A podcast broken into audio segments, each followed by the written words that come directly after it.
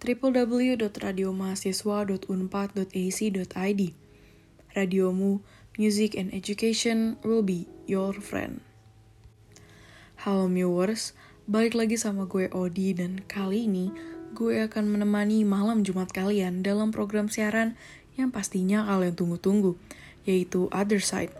So let's take a peek on the other side. Well, hello viewers. Lagi-lagi ketemunya sama gue ya di malam Jumat ini. By the way, sekarang udah mau pertengahan tahun nih. Jadi gimana? Resolusi yang kalian udah bikin di awal tahun tuh udah kecapai belum sih? Ya kalau belum sebenarnya mah nggak apa-apa. Soalnya masih ada kurang lebih 6 bulan lagi ya.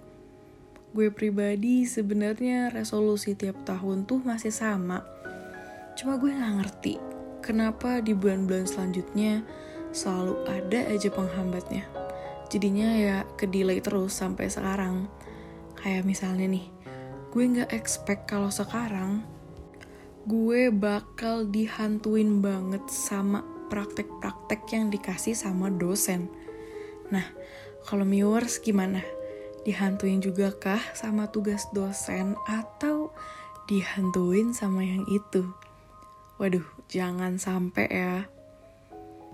Ngomong-ngomong tentang dihantuin, kayaknya viewers bakal dihantuin sama cerita yang bakal gue bawain di episode kali ini deh. Tapi, gue tetap berharap semoga kalian gak digangguin, gak ngalamin yang horor-horor di minggu ini, terutama kalau habis dengerin Other Side. Viewers pasti tahu kalau 25 tahun yang lalu di bulan Mei terjadi kerusuhan di Indonesia atau biasa dikenal dengan kerusuhan 98. Kerusuhan Mei 1998 sendiri adalah kerusuhan rasial terhadap etnis Tionghoa yang terjadi pada 4 Mei hingga 15 Mei 1998, khususnya di ibu kota Jakarta dan di beberapa daerah lainnya. Penyebab dari kerusuhan ini tuh diawali sama krisis finansial di Asia dan adanya pemicu dari tragedi Trisakti, di mana empat orang mahasiswa Trisakti ditembak dan terbunuh dalam demonstrasi 12 Mei 1998. Hal tersebut jabatan Presiden Soeharto serta pelantikan B.J. Habibie. Gak bisa bohong ya, kalau kerusuhan Mei 1998 ini momen yang bikin ngeri dan penuh pilu banyak banget orang yang dibunuh hingga menyebabkan jumlah korban jiwa yang ada itu cukup fantastis. Terus ada juga yang diambil paksa harta bendanya, disiksa, bahkan diperkosa.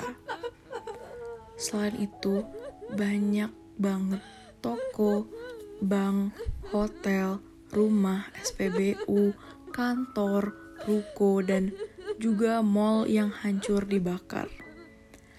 Salah satu mall yang terbakar adalah Mall Klender. Mall Klender atau yang dikenal dengan nama Jogja Plaza merupakan salah satu mall yang terletak di daerah Jakarta Timur. Mall ini kebakar pada kerusuhan 98 itu. Nah, spesifiknya pada tanggal 15 Mei 1998. Mall Klender ini bisa terbakar karena sudah direncanakan, di mana sebelum kejadian terjadi ada orang yang memprovokasi untuk menjarah mall. Dan ada mobil pick up berwarna merah datang dari arah Pondokopi dan berhenti di depan mall. Pickup merah tersebut membawa Algojo-Algojo. Kemudian turun dari mobil dan habis itu masuk ke dalam mall Klender yang seketika menjadi lautan manusia. Nah, saat orang-orang lagi sibuk ngejarah, beberapa orang justru ngumpulin baju dan kain, dan kemudian ngebakar baju dan kain itu di lantai dasar. Akibatnya, orang di lantai atas nggak bisa turun karena kejebak sama api yang udah nyebar ke seluruh lantai dasar dan banyak juga yang udah pingsan duluan karena menghirup asap dari bakaran.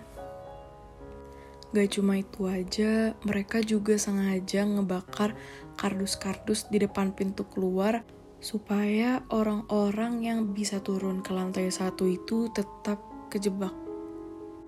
Akhirnya, tragedi Moklender ini menewaskan sekitar 400 korban jiwa, baik pengunjung dan juga pegawai Mall Klender tersebut. Nah, setelah kejadian naas dan memilukan ini, muncullah kejadian-kejadian horor.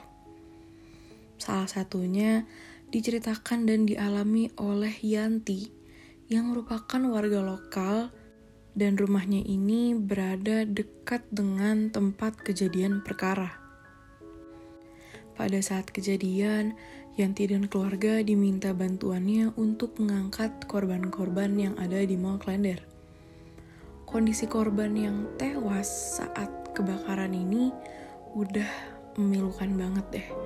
Banyak yang gak utuh, badannya angus kebakar, wajahnya udah gak berbentuk, dan luka di sekujur tubuh. Semenjak kejadian ini, suasana komplek atau tempat tinggal yang ada di dekat mall ini, kalau menjelang malam tuh jadi sepi dan mencekam gitu. Nah, kisah horor yang dialami Yanti jadi pas sore-sore Yanti itu lagi duduk di teras sama bibinya. Saat itu juga Yanti dan bibinya ini dihampirin sama anak kecil sekitar 6 sampai 8 orang. Nah, anak-anak ini mereka minta air minum karena katanya mereka nggak punya uang dan lagi aus. Akhirnya Yanti pun ngambilin air minum buat mereka. Namun kalau dilihat lagi sama Yanti, anak-anak kecil ini tuh kotor dan kulitnya ini bener-bener hitam atau gosong. Kemudian Bibi Yanti yang juga ngelihatnya nanya lah ke anak-anak ini, mereka mau ke mana? Kok kayaknya kotor banget? Kemudian anak-anak ini jawab, mereka pengen main-main di mall. Gak lama kemudian anak-anak ini langsung pergi Nah, habis itu paman Yanti yang ngelihat Yanti dan bibinya ini ngobrol, akhirnya keluar dan nanya, mereka habis ngomong sama siapa?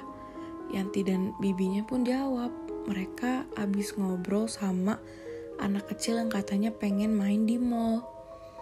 Nah, pas denger ini, pamannya Yanti kaget. Dan dia bilang, mall di mana? Kan mallnya udah kebakar. Nah, nyadarlah akhirnya. Sontak mereka langsung merinding. Dan akhirnya mereka jadi paham gitu kenapa anak-anak yang tadi tuh kotor banget dan kulitnya tuh gosong kayak kebakar. Akhirnya Yanti, bibinya dan pamannya langsung mutusin buat masuk ke rumah. Nah, namun tiba-tiba mereka ngerasa kalau rumah mereka ini kayak ada yang lemparin pasir dan dari pohon rumahnya terdengar ada suara cekikikan wanita. Dan hal ini merupakan awal dari Yanti yang terus didatengin sama sosok yang sama. Beberapa hari setelahnya di malam hari nih, Yanti itu ketindihan dan Yanti mimpi ada satu anak kecil yang datang dan minta tolong sama Yanti buat nyariin bola matanya. Nah, karena mimpi ini, Yanti kaget dan kebangun. Namun setelahnya, Yanti kan nenangin diri, kemudian baca doa dan tidur kembali. Tapi mimpi ini tuh berulang beberapa kali sampai akhirnya di suatu kesempatan anak kecil yang minta dicariin bola matanya ini cerita kalau tadinya ia dan papanya ini pergi ke mall Klender untuk mencari ibunya. Namun karena situasi chaos dan crowded, mereka akhirnya pulang. Dan ketika itu, anak kecil ini nggak sengaja nendang kotak pasir yang isinya uang. Nah, anak kecil ini pengen ngambil uang itu. Namun ada seorang pria yang mengaku bahwa ia penjaga dan melarangnya. Anak kecil ini ngotot pengen ngambil. Sampai akhirnya orang ini tuh bikin anak kecil ini kedorong dan jatuh. Kemudian matanya si anak kecil ini ketancap tongkat atau benda tajam yang bikin anak kecil ini langsung meninggal di tempat. Dan ketika Yanti mimpiin hal ini, Yanti mutusin untuk doain anak tersebut dan akhirnya dari situ dia nggak pernah mimpiin hal-hal kayak gini lagi. Selain itu, warga di sekitar sana juga sering mengalami kejadian horor seperti super angkot yang mengangkut penumpang tapi ternyata penumpangnya udah kebakar semua. Terus ada juga tukang beca yang ngantar penumpang yang udah meninggal.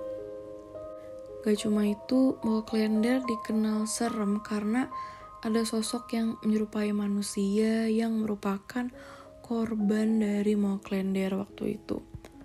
Seperti orang dengan kepala pecah, terhimpit di lift, orang dengan tangan dan kaki yang putus, dan sosok anak kecil yang nangis tapi kemudian kulitnya mengelupas.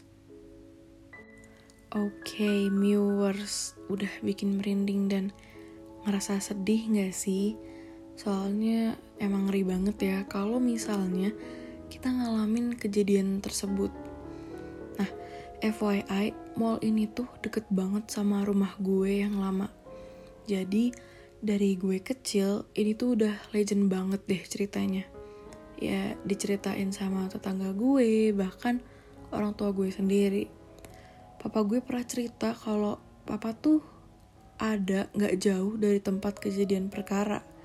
Kurang lebih satu kilometer. Waktu itu papa lagi ambil uang di bank dan katanya papa ngeliat ada mobil TNI gitu deh dan rame Terus buat viewers yang penasaran sama kondisi Mall Klender sekarang gimana, jadi Mall Klender sekarang udah banyak renovasi. Nah, mall ini udah berubah juga namanya dua kali. Sebelum kebakaran kan namanya Jogja Plaza. Terus berubah jadi Mall Citra di awal tahun 2000-an dan sekarang namanya City Plaza. Jujur gue nggak tahu ya kondisi real bangunan mall ini pas masih jadi Jogja Plaza alias pas tahun 98 itu deh sebelum kebakaran. Tapi kalau udah 2000-an ke atas itu gue inget banget dari pas namanya ini masih jadi Mall Citra sampai sekarang City Plaza. Jadi sebenarnya ada beberapa bangunan di sekitar mall ini yang pertama itu kan ada bangunan mallnya sendiri. Dan di samping plus di belakang mall ini ada bangunan ruko gitu deh. Dan menurut gue dari dulu sampai sekarang rukonya ini tuh kayak kurang terawat gitu deh. Jadi lusuh dan menambah kesan horor lah ya. Gue kebetulan di awal Mei tahun ini datang ke sini buat ngejain tugas. Gue ngewawancarain salah satu warga lokal bapak-bapak gitu deh. Dan gue sedih banget jadi bapak ini bilang kalau tetangganya itu jadi korban di mall ini. Beliau ini kebakar dan yang tersisa cuma KTP-nya aja. Jadi buat viewers yang ngalamin pengalaman gak enak di tragedi 98 ini atau mungkin ada keluarga dan kerabat yang mengalami dan menjadi korban pada kerusuhan tersebut, doa dan harapan gue semoga keluarga selalu diberi kekuatan dan kesehatan. Gimana nih viewers, other side hari ini?